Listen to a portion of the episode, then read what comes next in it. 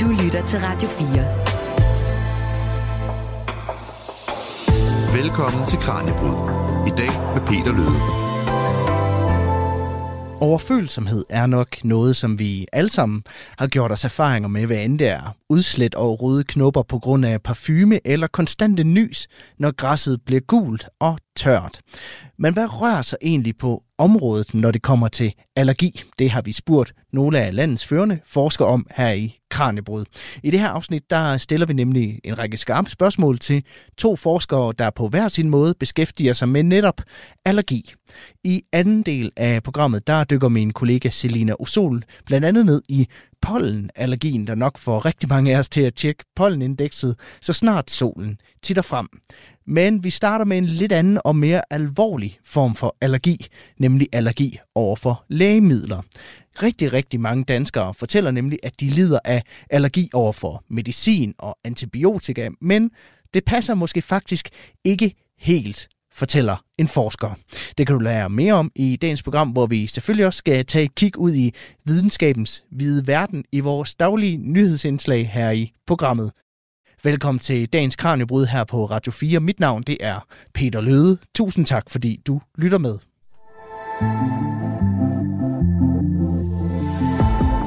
Du lytter til Kranjebrud på Radio 4.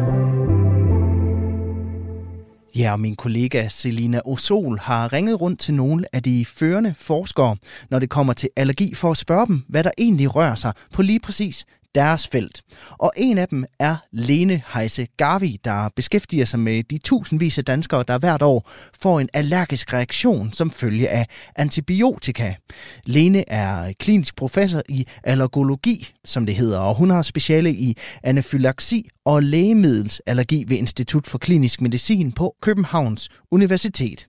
Og øh, hun er en af de første herhjemme, der forsker i lægemiddelsallergi. Og ifølge hende, så skyldes resistens over for penicillin og antibiotika simpelthen, at nogle bakterier er mere stedige end andre. Prøv at lytte med her. Det, der hedder resistens over for antibiotika, det betyder, at bakterier øh, kan finde ud af at omgås øh, antibiotika eller penicillin, som de, tidlig, som de egentlig burde blive slået ihjel af. Øh, og det er, noget, det er sådan en overlevelsesmekanisme, som bakterier de kan have, at der er flere forskellige måder, de kan gøre det på. Og jo mere antibiotika, altså jo mere penicillin og andre øh, typer medicin, der slår bakterier ihjel, der bliver brugt i et land, jo større øh, er risikoen for, at der udvikles det, der hedder antibiotikaresistens. Og det, det, der er konsekvensen af det, er, at når man så har en patient med en, en, øh, en lungebetændelse for eksempel, så virker medicinen måske ikke på dem. Fordi bakterierne har lært at omgås den type antibiotika, som man behandler med. I tredje verdenslande, i Indien for eksempel, og Brasilien og alle andre lande, hvor, hvor man har haft en mere liberal øh, forbrug af, af de her lægemidler, altså antibiotika, der slår betændelse øh, ned, der har man kæmpe problemer med resistens. I Indien, der har man kunne købe alt mulige forskellige antibiotika i håndkøb, og det vil sige, at folk bare har brugt det, øh, og så har, der, så har der udviklet sig kæmpe store resistensproblemer. Og det er en af de ting, som øh, WHO, altså Verdenssundhedsorganisationen, mener er en af de største trusler mod folkesundheden, den globale folkesundhed, fordi det ender med, at når folk får øh, farlige øh, betændelsestilstande, så kan man simpelthen behandle dem. I Danmark har vi ikke på samme måde de problemer. Fordi i Danmark har vi været meget restriktive med brug øh, af antibiotika, og vi har brugt primært penicillin og, og øh, stoffer fra penicillingruppen, og de har ikke den samme tendens til at udvikle det her øh, resistens, som andre antibiotika har. Øh, og øh, derfor har man et stort fokus på, at man skal bruge penicillin. Øh, og når man så, som jeg, er interesseret i lægemiddelallergi, så er det klart, at alle dem, der har en allergi over for penicillin, der vil vi godt være sikre på, at det reelt er en allergi over for penicillin, og de ikke har fået en, et markat med penicillinallergi unødigt. Og der har det vist sig, at 10 procent af indlagte patienter oplyser, at de har allergi for penicillin, men vi reelt faktisk kan fjerne denne her label hos 90 procent ved at lave noget øh, undersøgelser på en allergiklinik, eller ved øh, at tale med patienten og høre, at de reelt aldrig rigtig har haft allergi. Hvis vi så tager det store perspektiv, og her snakker vi i løbet ja. af din karriere, Hvad er så noget af det vigtigste, eller måske mest afgørende, der er sket inden for dit fag? Så spørgsmålet om man snakker lægemiddelallergi eller øh, lægemiddel, lægemiddel generelt. Altså der, er blevet, der er jo inden for de sidste 10-15 år, er der kommet en kæmpe opblomstring i det, der hedder biologiske lægemidler. Og biologiske lægemidler, det er nogle særlige lægemidler, der går ind og rammer bestemte øh, steder i, i nogle processer i kroppen, øh, og kan bruges i, mod gigt og mod øh, tarmsygdomme og mod kræft og alle mulige ting. Det er en helt særlig lægemiddelgruppe, som simpelthen er blevet udviklet inden for de sidste 10-15-20 år. Øh, og dem ser vi selvfølgelig også allergiske reaktioner for. Så på den måde vil jeg sige, jeg vil sige, det er de mest afgørende opdagelse, at de er kommet, de her lægemidler. Øh, de har ikke rigtig ramt lægemiddelallergien endnu, fordi der ikke er så meget, altså fordi de ikke har været her så længe. Men det bliver nok noget af det, vi kommer til at se reaktioner på. Øh, og, øh, men, men det må, være, det må være den mest afgørende op, øh, opdagelse inden for vores felt, det er, at man har fået de her biologiske lægemidler, som faktisk øh, en del af dem altså virkelig ændrer patienters livskvalitet inden for en, en lang række kroniske sygdomme, inklusiv kræft. Men biologiske lægemidler, hvad, øh, hvad er det helt præcist? Jamen, de, ja, det, det er svært. De, de øh, går ind og, øh, og øh, hvad kan man sige, ændrer lidt på nogle processer i kroppen, som er uhensigtsmæssige, øh, og som kan give øh, forskellige sygdomme. Typisk det, vi kalder inflammation. Altså inflammation, det er, når, når der kommer en, en, sådan en slags betændelsestilstand i kroppen. Øh, og der er flere af de her lægemidler, der kan stoppe det, sådan så for eksempel slid, hvad hedder det, ledegigt eller øh, nogle af de her tarmsygdomme, som kan være ret øh, invaliderende for patienter.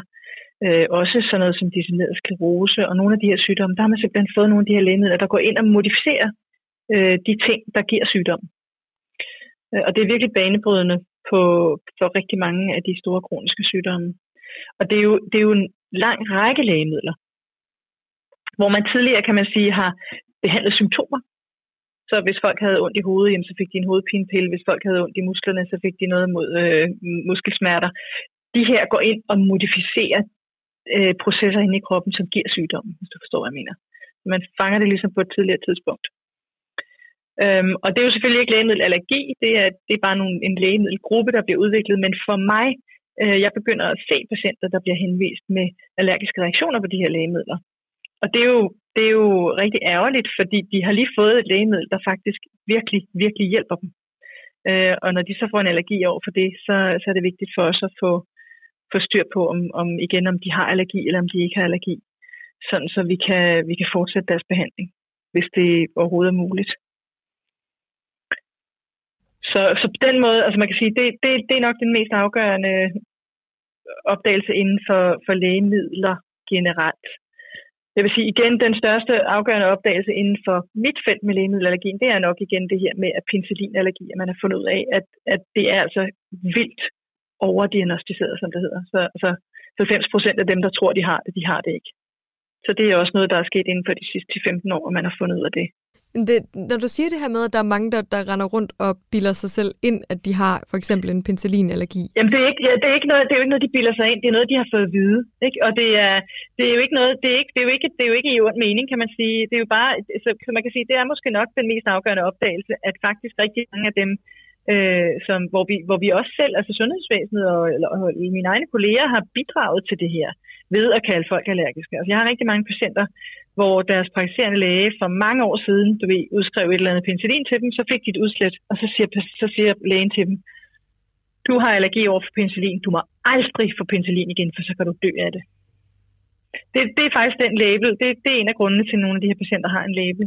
De har fået det her at vide, og der er det, det er rigtig svært at overbevise sådan en patient om, at de ikke har allergien. Fordi det har lægen jo sagt der for 20-40 år siden, øh, at de havde en, en farlig allergi, og de ville dø af det.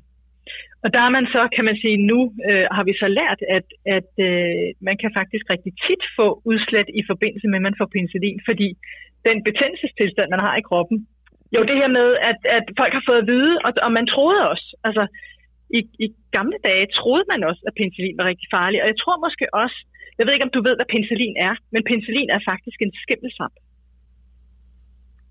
Så penicillin er udvundet af en skimmelsvamp. Og måden, man fandt ud af det på, at det var faktisk et tilfælde, at penicillin blev opdaget. Og det blev opdaget af en mand, som, som øh, var ved at dyrke nogle bakterier. Kan du huske skolen, man havde sådan nogle petriskåle, man mm. kunne dyrke bakterier på. Det var en, en, øh, en øh, mand i, i England, som var ved at dyrke nogle bakterier på, øh, på sådan en petriskål. Og så fungerede hans eksperiment ikke, og så satte han de der petriskåle over i vindueskarmen, og så tog han hjem, og så var det weekend, så han kom tilbage, så kunne han se, at halvdelen, der var kommet sådan en, en mugplet, ligesom der kommer på brød. Kender du de der store blå cirkler, der kan mm. komme på brød og på appelsin og sådan noget? Der var kommet sådan en mugplet på den der petriskål, og den havde slået alle bakterierne ihjel. Og så tænkte han, hold nu op, det var da lidt interessant. Og det var faktisk sådan, man opdagede penicillin tilbage i 20'erne. Øh, og så fandt man ud af, at det kan man jo benytte, og så gjorde man det, så begyndte man så at oprense de her skimmelsvampe øh, og prøve at give det som medicin. Øh, og skimmelsvampe kan man blive ret allergisk over for os. Så jeg tror, at det, der skete, var, at i den proces med, at man prøvede at, at oprense de her skimmelsvampe og give det til patienter, så var der en del, der faktisk reagerede på skimmelsvampen og ikke på penicillinen som sådan. Ikke den rene penicillin. Og det var faktisk Leo, det, dem, dem hedder Leo, det firma, der hedder Leo. Det var dem, der, der markedsførte penicillin i Danmark. Øh, og jeg, altså, i starten var processen lidt uren, og det vil sige, en del af de patienter, der reagerede for mange år siden, har måske reageret, fordi det var ikke, altså produktet var ikke raffineret nok. Der var stadigvæk nogle penicillin eller nogle øh, skimmelsvamperester i det måske. Så derfor, og, og en masse af de labels, vi ser på penicillin, de er faktisk rigtig gamle. Gennemsnits, øh, vi lavede sådan en, en opgørelse af nogle patienter her på Herlev Gentofte Hospital. Vi kunne se gennemsnitsvarigheden for folks øh, penicillinallergilabel var 38 år. Okay. Så det er rigtig mange gamle mennesker, der har de her labels. Og jeg tror måske, det er fordi penicillinen øh, i starten var faktisk gav flere allergiske reaktioner, men det gør den ikke nu.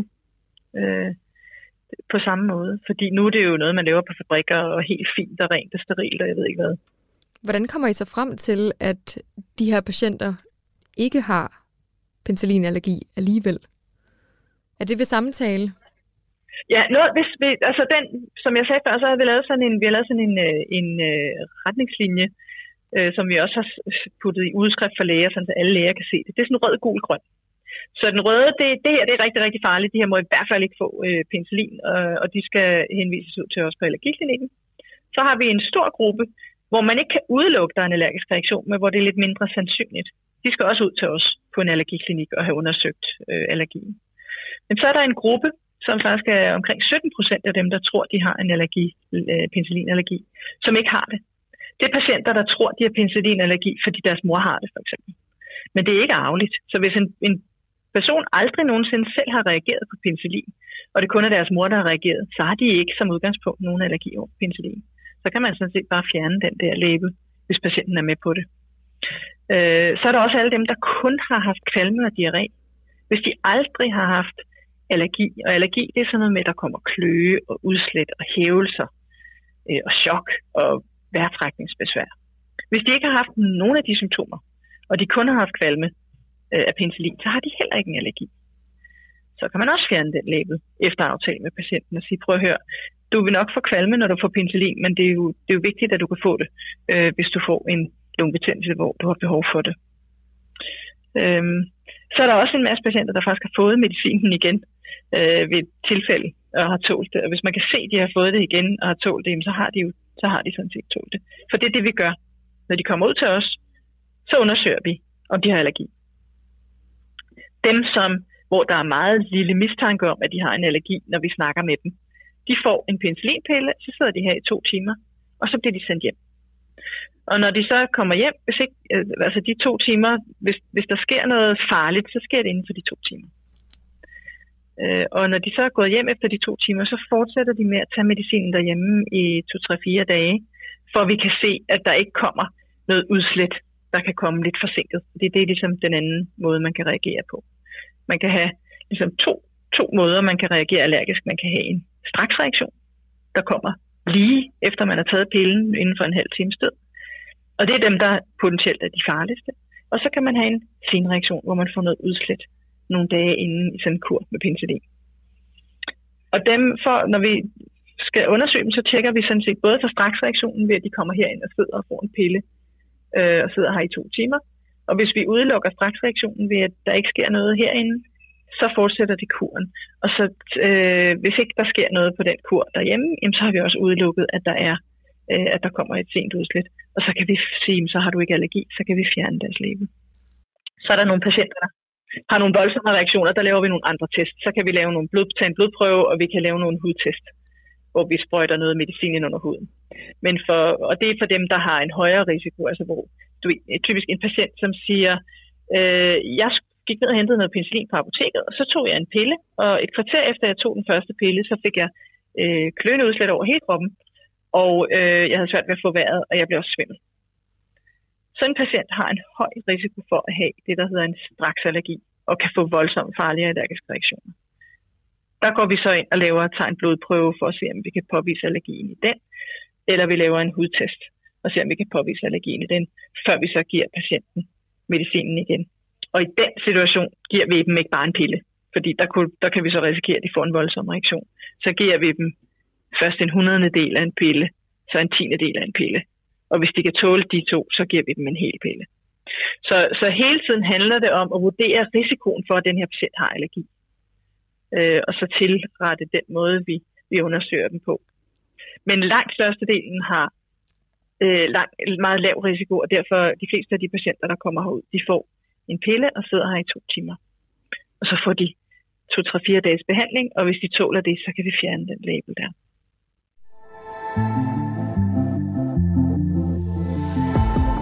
Du lytter til Kranjebrud på Radio 4. Her i Kranjebrud, der er vi i gang med at stille fem skarpe spørgsmål til nogle af landets førende forskere. Og i dag, der er omdrejningspunktet altså allergier. Min kollega Selina Osol har grebet knoglen og ringet til Lene Heise Garvi, der er klinisk professor med speciale i anafylaksi og lægemiddelsallergi ved Institut for Klinisk Medicin på Københavns Universitet. Og tidligere, der talte de en smule om, hvad medicinallergi egentlig er og hvordan man kan dobbelttjekke, om patienten nu egentlig også er allergisk over for den her type lægemidler. Og i den forbindelse, der spurgte vi også Lene Heisegavi, om der er noget inden for hendes felt, som hun særligt glæder sig til, at forskningen finder svar på. Er der noget, du glæder dig til at finde ud af? Et gennembrud, du ser frem til? Ja, altså det gennembrud, jeg egentlig ser frem til, øh, mest det er, lidt, det er ikke helt inden for lægemiddelallergien. Det er mere det her med de livstruende allergiske reaktioner. Fordi vi forstår simpelthen ikke, hvad der, er, der sker. Vi forstår ikke, hvordan man kan tage noget medicin, og så går der nogle gange kun nærmest få sekunder, så er hele kroppen involveret i en rigtig, rigtig farlig allergisk reaktion.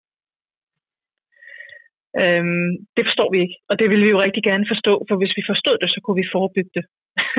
så, sådan er det med rigtig meget øh, inden for medicin, ikke? at hvis man, hvis man forstår, hvad der foregår, jamen, så kan man prøve at gå ind og, og, og stoppe processen tidligere, eller helt undgå, at det sker.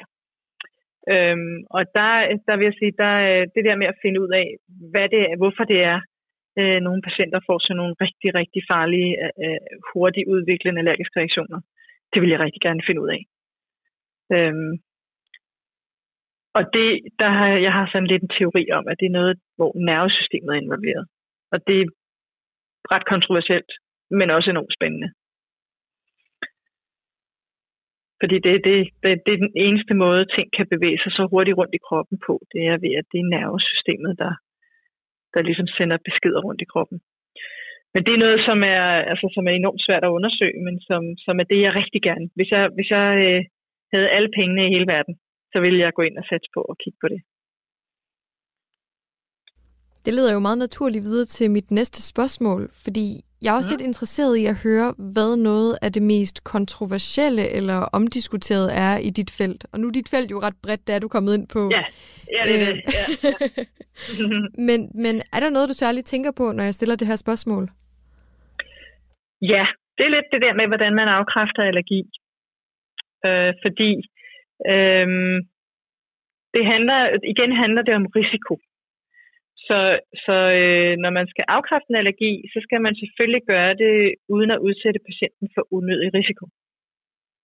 Så hvis man har, det er derfor, hvis man har en meget stor mistanke om, at patienten har en allergi, så giver man dem ikke bare en fuld pille. Fordi så kan, så kan du risikere, at de får en rigtig voldsom reaktion. Øhm, og hos nogle patienter vil man også rigtig gerne kunne stille diagnosen, uden at skulle give dem medicinen igen, som er ligesom vores, det vi kalder den gyldne standard. Altså den eneste måde, hvor man 100% sikkert kan sige, om patienten kan tåle det eller ej, det er ved at give medicinen igen. Men hos en patient, der har haft hjertestop for eksempel, så nogen ser vi øh, i de her patienter med, med reaktioner under bedøvelse, så har man jo ikke lyst til at gentage det, hvis man kan undgå det.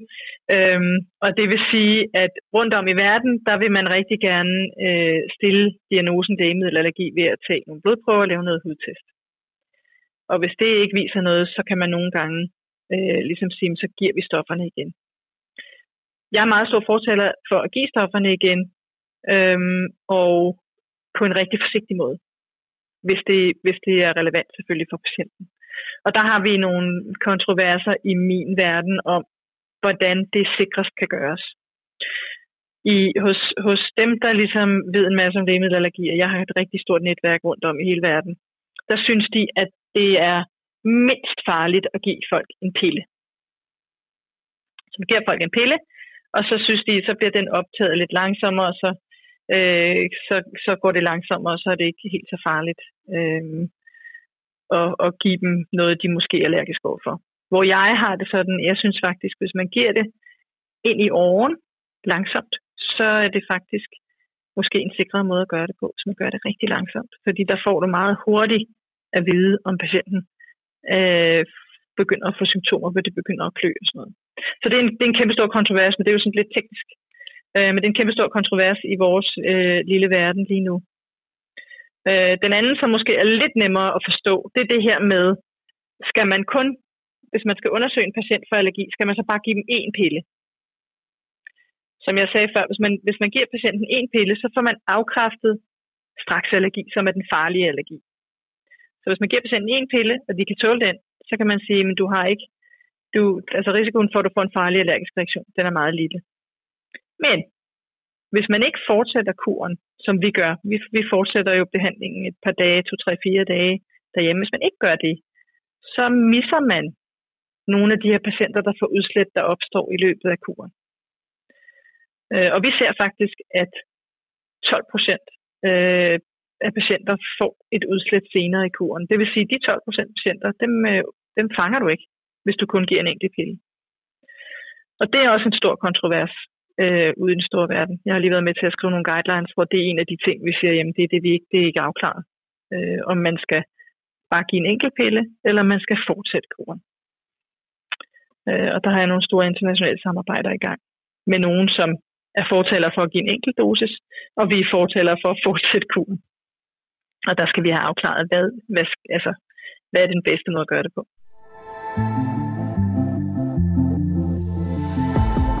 Du lytter til Kranjebrud på Radio 4. Hvis du lige har tændt for din radio, så er rigtig hjertelig velkommen til dagens udgave af Kranjebrud her på Radio 4.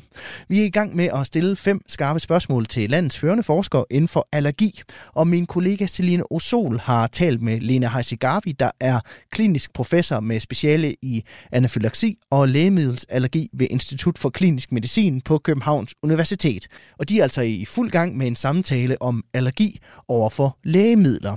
Og øh, i den her samtale, der fortalte Lena Heisigavi altså også, at øh, øh, et af de helt store problemer i sygehusvæsenet er, at det ikke nødvendigvis bliver overført i journalerne, at en patient er allergisk over for en bestemt type medicin, eller når det viser sig, at de faktisk alligevel ikke har den her form for allergi. Jeg kunne godt tænke mig at slutte af med, altså det hele handler jo om de her allergiadvarsler, der er øh, i hospitalsvæsenet og i almen praksis. Og det har vi faktisk også kigget lidt på. For det første er det jo sådan, vi har, kigget, vi har lavet en, en øh, jeg havde øh, to sygeplejersker, som har lavet en spørgeskemaundersøgelse af sundhedspersonale, hvor de lidt spurgte folk til, hvad, hvor, hvor meget tror I egentlig på sådan en advarsel, der er i de her systemer. Og der var ikke, altså folk vidste godt, at der var rigtig mange advarsler, der var forkerte. Men når man så spurgte dem, om de turde fjerne en advarsel, hvis øh, de var rimelig sikre på, at patienten ikke havde allergi, så tør de ikke fjerne det. Så det vil sige, og de opretter også nogle gange en, en, sådan en advarsel, fordi de altså på en meget lille mistanke, fordi de er bekymrede for om, øh, at, at, at gøre patienten skade, eller man kan sige. Øhm, så det er den ene ting, øh, at der er en øh, der er behov for noget uddannelse omkring det her med de her, hvornår man skal oprette sådan en, en advarsel i et system. Men den anden ting, der er problematisk, det er, at de advarsler, der er inde i hospitalsystemerne, de taler ikke med systemerne hos egen læge eller ude i speciallægepraksis. Det vil sige, når jeg fjerner en allergilabel på en patient, så skriver jeg til egen læge, vil du være sød at fjerne den i dit eget system. Og det er ikke noget særligt sikkert system, så vi har, vi har vist, at, at når jeg har fjernet en label herinde, så er der 21 procent af de patienter, jeg har fjernet en penicillinallergi hos, der stadigvæk har en label med penicillinallergi hos egen læge. Så det er den ene vej. Den anden vej, det er, at når jeg har bekræftet en penicillinallergi, og så er vi jo ude i, at det kunne være farligt for patienten at få penicillin igen, fordi de reelt har en allergi. 27 procent af dem har ikke en advarsel mod penicillin hos praktiserende læge. Så det er en af de ting, jeg synes, man skulle øh, arbejde mod, det var, at man havde et advarselsfelt for lægemiddelallergi, som var nationalt og som kunne tilgås på alle hospitaler fra alle praktiserende læger øh, og fra alle speciallæger. Fordi det er, jo et, det er jo et spørgsmål om patientsikkerhed, kan man sige. Øhm, så det, det, det vil være sådan en ting, jeg synes, man er en, en vigtig ting. Dels fordi man, der er en masse af de her labels, der jo ikke er rigtige, og dels fordi øh, man, skal, man, skal, man skal simpelthen kunne se de her oplysninger alle steder fra. Og det er sikkert en overraskelse for dig, at det ikke er sådan allerede, ikke? Jo, det, jeg troede faktisk, at øh, systemerne de talte sammen. Jamen, det, og vi ser hele tiden, du ved, når jeg har patienter, så siger det, at du, hvis man spørger dem om noget, så siger de, det står i min journal. Og så siger man, nej, det står i din journal hos egen læge, den kan jeg ikke se. Jamen, det er skørt, og vi har jo, altså i, i regionen Hovedstaden og Sjælland har vi øh, det, der hedder Sundhedsplatformen, og i de andre tre regioner har de et andet system. De to systemer snakker heller ikke rigtig sammen. Okay. Så kan man gå ind på sundhed.dk og se nogle ting, men på sundhed.dk er der ikke et øh, allergiadvarselsfelt. Øh, og det er der heller ikke. Der er noget, der hedder FMK, som er det fælles medicinkort.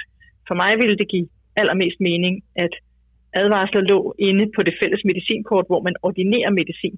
Der skulle ligge en, en national advarselsting, som alle kunne se. Ikke? Det ville give mest mening. Og om lidt, så skal vi gå fra lægemiddelsallergi og over til pollenallergien. Men øh, inden da, så skal vi smut ud i videnskabens hvide verden. Kranjebrud præsenterer videnskabens hvide verden. Videnskabens hvide verden er jo vores faste indslag her i Kranjebrud, hvor vi tager en kort pause fra dagens emne og ser nærmere på noget af det allernyeste fra forskningens verden. Og vi starter herhjemme, hvor det moderne menneske nok er kommet til området her langt tidligere, end man hidtil har troet.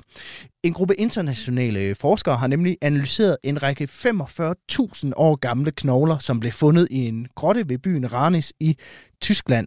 Og resultaterne af den her analyse de er så blevet publiceret i både Nature og Nature Ecology and Evolution. Knoglerne her de blev analyseret med både DNA-analyse, kulstof-14-datering og det, der hedder stabil isotop-analyse.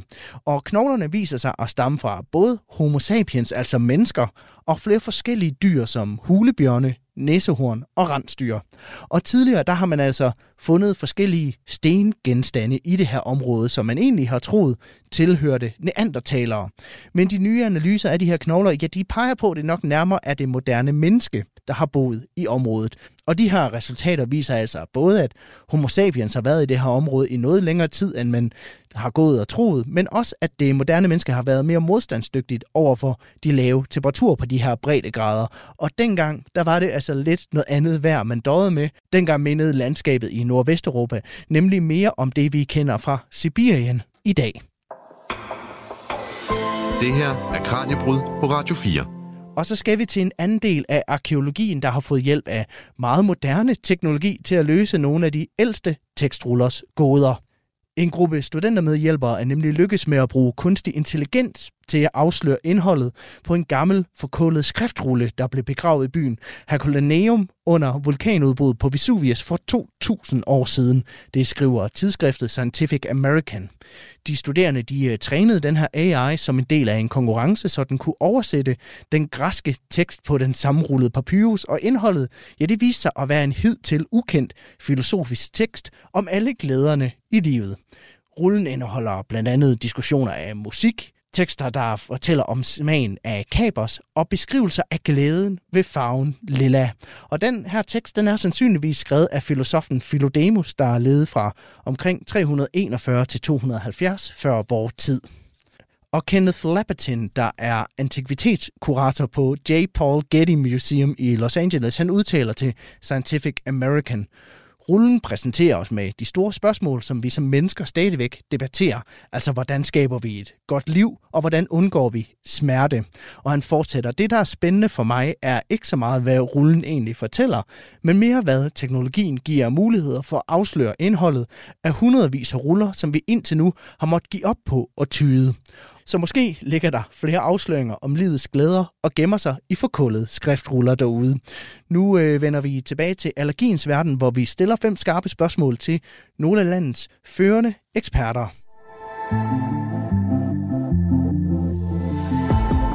Du lytter til Kranjebrud på Radio 4. Og vi bevæger os til en anden form for allergi, en der i hvert fald for mig er blevet en fast del af foråret og sommeren, nemlig pollenallergien. Det er en form for allergi, der gør livet surt for over en million danskere herhjemme om året. Og det er det, som Hans-Jørgen Hoffmann han forsker i. Han er professor ved Institut for Klinisk Medicin på Aarhus Universitet, og ham har vi selvfølgelig også stillet fem skarpe spørgsmål til. Min kollega Selina startede med at spørge ham, hvad det vigtigste forskning i pollenallergiens verden egentlig er for tiden. Mit forskningsområde er allergi, og det er i den bredeste forstand. En tredjedel af min forskning handler om mekanismer i allergi. Hvad sker der egentlig, og hvordan sker det, når man får en allergisk anfald? En anden tredjedel handler om diagnostisering af allergi. Hvordan kan vi påvise allergier, sådan at det ikke skader patienten, at vi kan indfange de, de nye og ukendte allergier. Og en tredje del, den handler om behandling af allergier der afprøver vi for tiden et spændende kort behandlingsmetode med immunterapi, hvor man kun skal behandles tre gange over to måneder. Det vigtigste nye i den kliniske verden, det er nok de monoklonale antistoffer, som man kan bruge til behandling af svær allergi. Men det er ikke noget, jeg forsker i desværre. Men det, det, det er ret brisant, hvor, hvor godt man kan behandle folk med, med, med en anden form for immunterapi den er ret dyr, og vores er ikke så dyr, så det, der har vi en lille fordel. På den mekanistiske plan, der kommer vi derhen, hvor man præcis kan beskrive, hvilke antistoffer, der reagerer med allergenerne. Og det er mekanistisk set rigtig, rigtig spændende. Altså vi forstår sådan meget detaljeret, hvordan en allergisk respons opstår. Det, er, det synes jeg er rigtig spændende. Et allergen er jo et protein typisk, som er som en hammer. Ikke? Og man kan godt enten tage fat, tage fat i håndtaget eller i hovedet af hammeren. Øh, og hovedet af hammeren har også den, den smalle side og den tykke firkantede side. Der kunne der være tre steder, sådan, hvor man kunne tage fat i det. Og vi kan nu finde ud af, hvor antistoffet binder det på den firkantede del af hammerhovedet, eller på den, den spidse del, eller på håndtaget, eller måske i midten så vi kan meget præcis beskrive, hvor IgE-molekylerne binder, og hvilken konsekvens det har for, hvor stærkt et signal er, og hvornår det bliver en alvorlig allergi, hvornår det bliver en svag allergi, der går i sig selv. Så det er ret spændende. Men, men det er også ret nørdet. skal der være plads til, jo. um, det med de monoklonale antistoffer, som behandler allergi, det er også rigtig spændende, fordi der interpreterer man med immun pathways, altså de, de reaktioner i kroppen, de signaler rækker i kroppen mellem forskellige celler og forskellige molekyler. Og man interfererer med det, nogle af dem for at svække den utilsigtede respons, som vi kalder for en allergisk anfald. Det er også ret spændende. Vores egen er selvfølgelig også rigtig, rigtig spændende, fordi det har en meget, meget stærkere og meget bredere perspektiv. Det er, hvis man nu kan behandle allergi med tre injektioner over to måneder, så falder alt det der dyre ved siden af, fordi det, det bliver så hurtigt og så nemt. Og med så få bivirkninger, det simpelthen bliver den, den behandlingsmetode, som alle vil vælge til. Nogle af de vigtige nye ting, det er en forståelse af molekylerne og hvordan de fungerer. En anden ting er jo, at vi har de her velfungerende antistoffer, der når man har en svær allergi, så letter de allergi. Det er rigtig dejligt. Men vores tiltag, som går ind på at behandle allergi meget hurtigt og forhåbentlig ret effektivt, det er jo inde i noget, der kommer til at være en game changer, fordi vi kommer til at bare fjerne allergi fra samfundet, lige som man fjernede tuberkulose, dengang man fik de velfungerende antibiotika. Og så var alt de sanatorier og alt det, alt det, man brugte på at behandle den slemme tuberkulose, det, det blev jo irrelevant. Fordi man kunne bare fjerne tuberkulosen i, i råden. Ligesom hvis vi nu kan fjerne allergien i råden, så bliver alt det andet, som er flot og spændende nu, det, det bliver lidt uinteressant, fordi det er dyrt og besværligt. Og vores er let og elegant. Ja, okay, så, så noget af det, du faktisk glæder dig til at finde ud af, den næste store ting, det vil være, hvordan løser vi egentlig det her problem her med allergien? Kan vi få det fjernet? Ja, ja. Jamen det, det, vores behandlingsmetode vil være ud. Fordi man kommer ind, når man har en allergi. Når man har mange mister som en allergi, kommer man ind til nogen, der kan diagnostisere og bekræfte den, at man faktisk har den allergi mod det pågældende stof. Lad os sige, at det er græs på en allergi. Så får man det bekræftet. Man får tilbudt en, en, den første af tre behandlinger, modtager den. Der er bivirkninger er lidt kløden. Um, behandlingen består af, at man med ultralyd finder lymfeknuden i lysten den ligger sådan knap centimeter under huden. Og så sprøjter man noget allergen i den. Og så der, der kan man være lidt øm i det første døgn. Nogen får en lille smule nællefeber. Nogen, der føler lidt trykken for brystet, hvis man er uheldigt. Men det, det er det, de symptomer, vi har oplevet indtil nu. Vi har behandlet 600 patienter i alt nu i Aarhus. Så det, der tror jeg ikke, vi det kan selvfølgelig være, man skal aldrig sige aldrig, så der kan være nogen, der får en, en værre bivirkning, men det, det har vi ikke fundet endnu. Så kommer man tilbage en måned senere og får den samme behandling, og en måned senere igen, så to måneder efter man begyndt, og får den tredje behandling. Og så er man sådan set behandlet for sin allergi. Hvilke type allergi er det egentlig, I behandler? Vi bruger græspollenallergi som model lige nu, fordi en hver, der har græspollenallergi, ved, hvordan de har det, når de har det godt, når der ikke er græspollen i luften. Og de ved også, hvordan de har det, har det, hvordan de har det, når de har det skidt, når der er græspollen i luften. Og en græspollen-sæson kommer egentlig hvert år ret forudsigeligt. Den i 23 var ikke så slemt. Godt for patienterne, lidt skidt for os, fordi vi vil gerne have lavet nogle gode forsøg. Ja, hvilke typer Men, forsøg er det? Vi lavede et klinisk forsøg, hvor vi har behandlet godt 500 mennesker uh, dobbeltblind placebo-kontrolleret med den her behandling, som jeg lige beskrev. Ja. Og så har vi fulgt dem i 22 og 23 i græspollen-sæsonen, for at se, om vi kan se, om vi kan bevise, at dem, der har fået medicinen, har det bedre end dem, der har fået placebo. Og de data er vi ved at gøre op nu. De, patienterne skal komme ind til en afsluttende besøg. Vi skal tage lidt blod fra dem igen, og vi skal undersøge blod IgE-antistoffer og IgG4-antistoffer som biomarkører. Så der går en 3-4 måneder endnu, inden vi sådan rigtig er færdige med forsøget. Ja. Så vi er ret spændt på, om, om vi kan vise, at det faktisk er så godt, som vi tror, det er.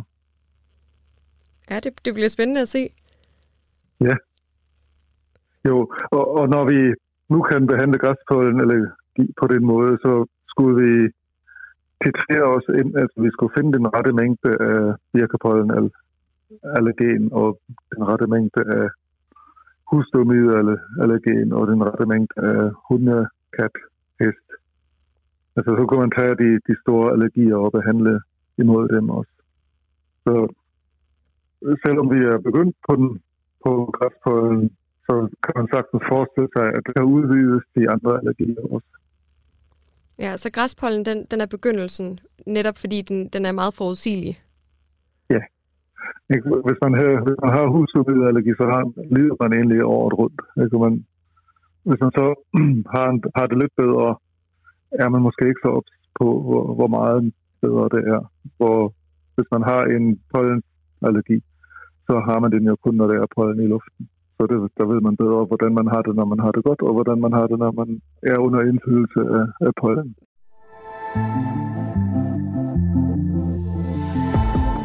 Du lytter til Kranjebrud på Radio 4.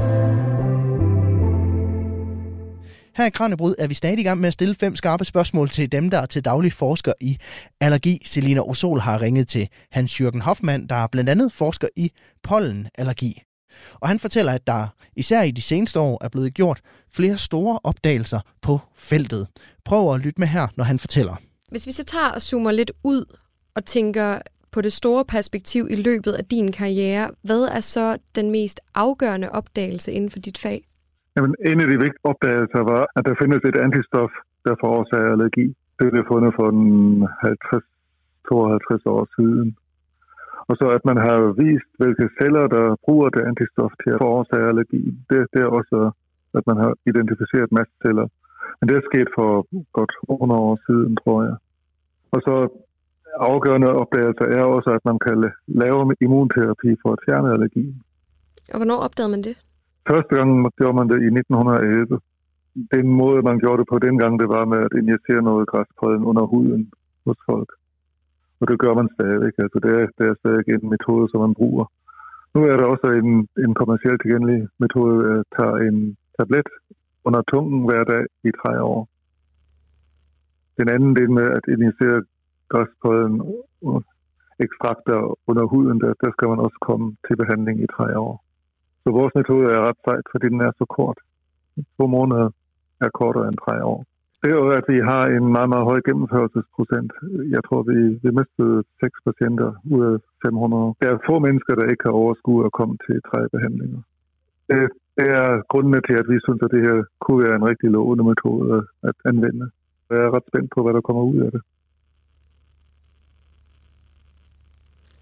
Så hvis vi så kigger på det mere omdiskuterede, er der så noget i forhold til for eksempel immunterapi eller behandling af allergi, som, som bliver diskuteret meget?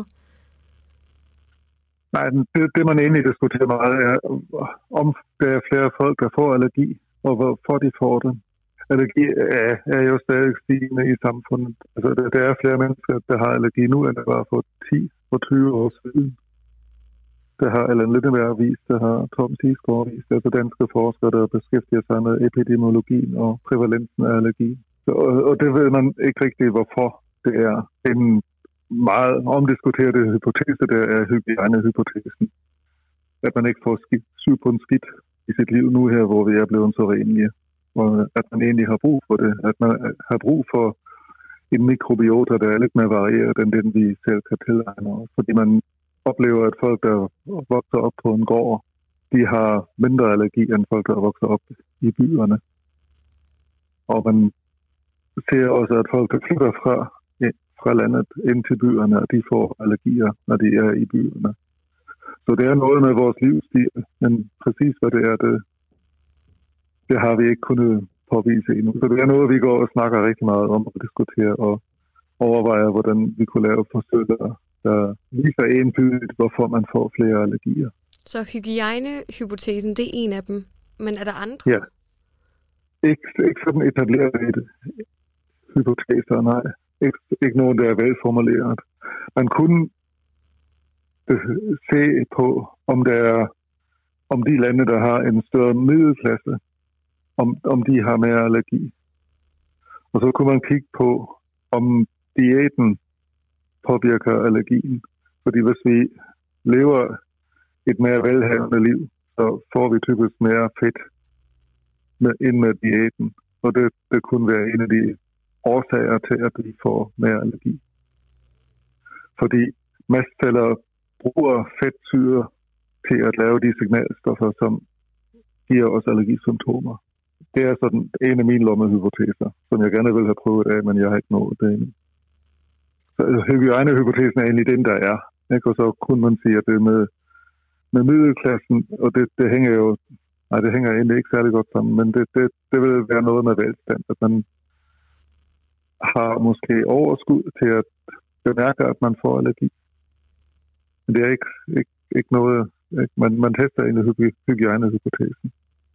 Vi, vi diskuterer jo også meget, hvor, hvor god de forskellige immunterapier er, og om man kunne have dem mere ensrettet i forskellige lande, og man kunne på en eller anden måde sikre, at flere mennesker tager immunterapi for deres allergi, fordi det er den eneste metode til at sikre, at du ikke bare letter dine symptomer i næste sæson, men også sæsonen efter og sæsonen efter det, uden at du skal tage mere medicin. Så immunterapi er faktisk en, en ændring af immunsystemet. Hvordan man gør det bedst, og hvilke mekanismer der egentlig får virker, når man laver det. Det, det diskuterer vi en del. Du lytter til Kranjebrud på Radio 4. Du lytter til Kranjebrud, hvor vi er i gang med at stille fem skarpe spørgsmål til forskere, der til dagligt beskæftiger sig med allergi. Og lige nu, der hører vi lidt fra Hans-Jørgen Hoffmann, der er professor ved Institut for Klinisk Medicin på Aarhus Universitet. Og da min kollega Selina havde fat i ham, jamen, så kunne hun heller ikke dyse sig for at spørge ham om, hvad der egentlig bliver hæftigt diskuteret ved vandkøleren på instituttet. Altså simpelthen, hvad der er den mest kontroversielle teori på hans område lige nu. Og blandt andet, så er der gang i mange nye metoder til at behandle allergier på. Og et af dem, det involverer altså et plaster, der kan hjælpe med immunterapi. Jamen, der prøves andre metoder til at lave immunterapi. Man forsøger at bare riste huden en lille smule og putte en, et plaster med allergen på. Vi er overvældet konstant, at der er ret mange mennesker, der har allergi, og vi ikke rigtig når at komme ud til dem alle sammen. Vi har et, et, et samfundsproblem, og der er ikke nok ressourcer til at adressere det, men nu, nu stiller jeg mig jo i kø med alle de andre, der gerne vil have flere ressourcer. Og det, det er jo ikke så sjovt at høre det endnu en gang. Præcis hvordan mekanismen fungerer mellem, at et allergen møder slimhinden hos en patient, og hvordan, hvorfor man egentlig får en allergi. Det er ikke særlig klarlagt, fordi det, det er lidt svært at studere mennesker, hvordan allergien opstår. Man skal have antistoffer mod allergenet, jo. Og der, der er det ikke, typisk ikke nok med et. I nogle særlige tilfælde er det nok med et, hvis, hvis allergenet har to identiske steder, som kan genkendes. Ikke derfor var det, som jeg talte om i starten, det er ret relevant, hvor, hvor præcis på, på allergenet genkender antistoffet. Hvor, hvor binder det, når det genkender allergenet? Fordi der skal der være to, for at man kan krydslinke IgE-receptorerne og udløse responset igennem fra allergenet igennem mastcellen, der begynder at degranulere og frigive histamin og arachidonsyre metabolitter, altså fedtsyre metabolitter, der gør, at man får allergiske symptomer. Der er der faktisk ret mange trin i den kaskade, der ikke er velbeskrevet endnu. Men det, der mangler vi bare ressourcer og tid til. Ikke? Og det, det er jo ikke bare. Og til sidst er det jo egentlig vigtigere at, at få set på, hvordan, om, at vi diagnostiserer patienter korrekt, og at vi tilbyder dem en behandling, der, der rykker, der letter deres symptomer så meget, at de egentlig ikke, ikke er syge, når de møder allergenet.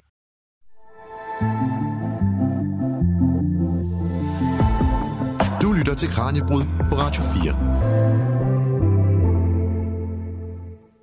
Det bliver alt, hvad vi nåede i den her omgang af Kranjebryd. Jeg vil bare sige tusind tak, fordi du lyttede med.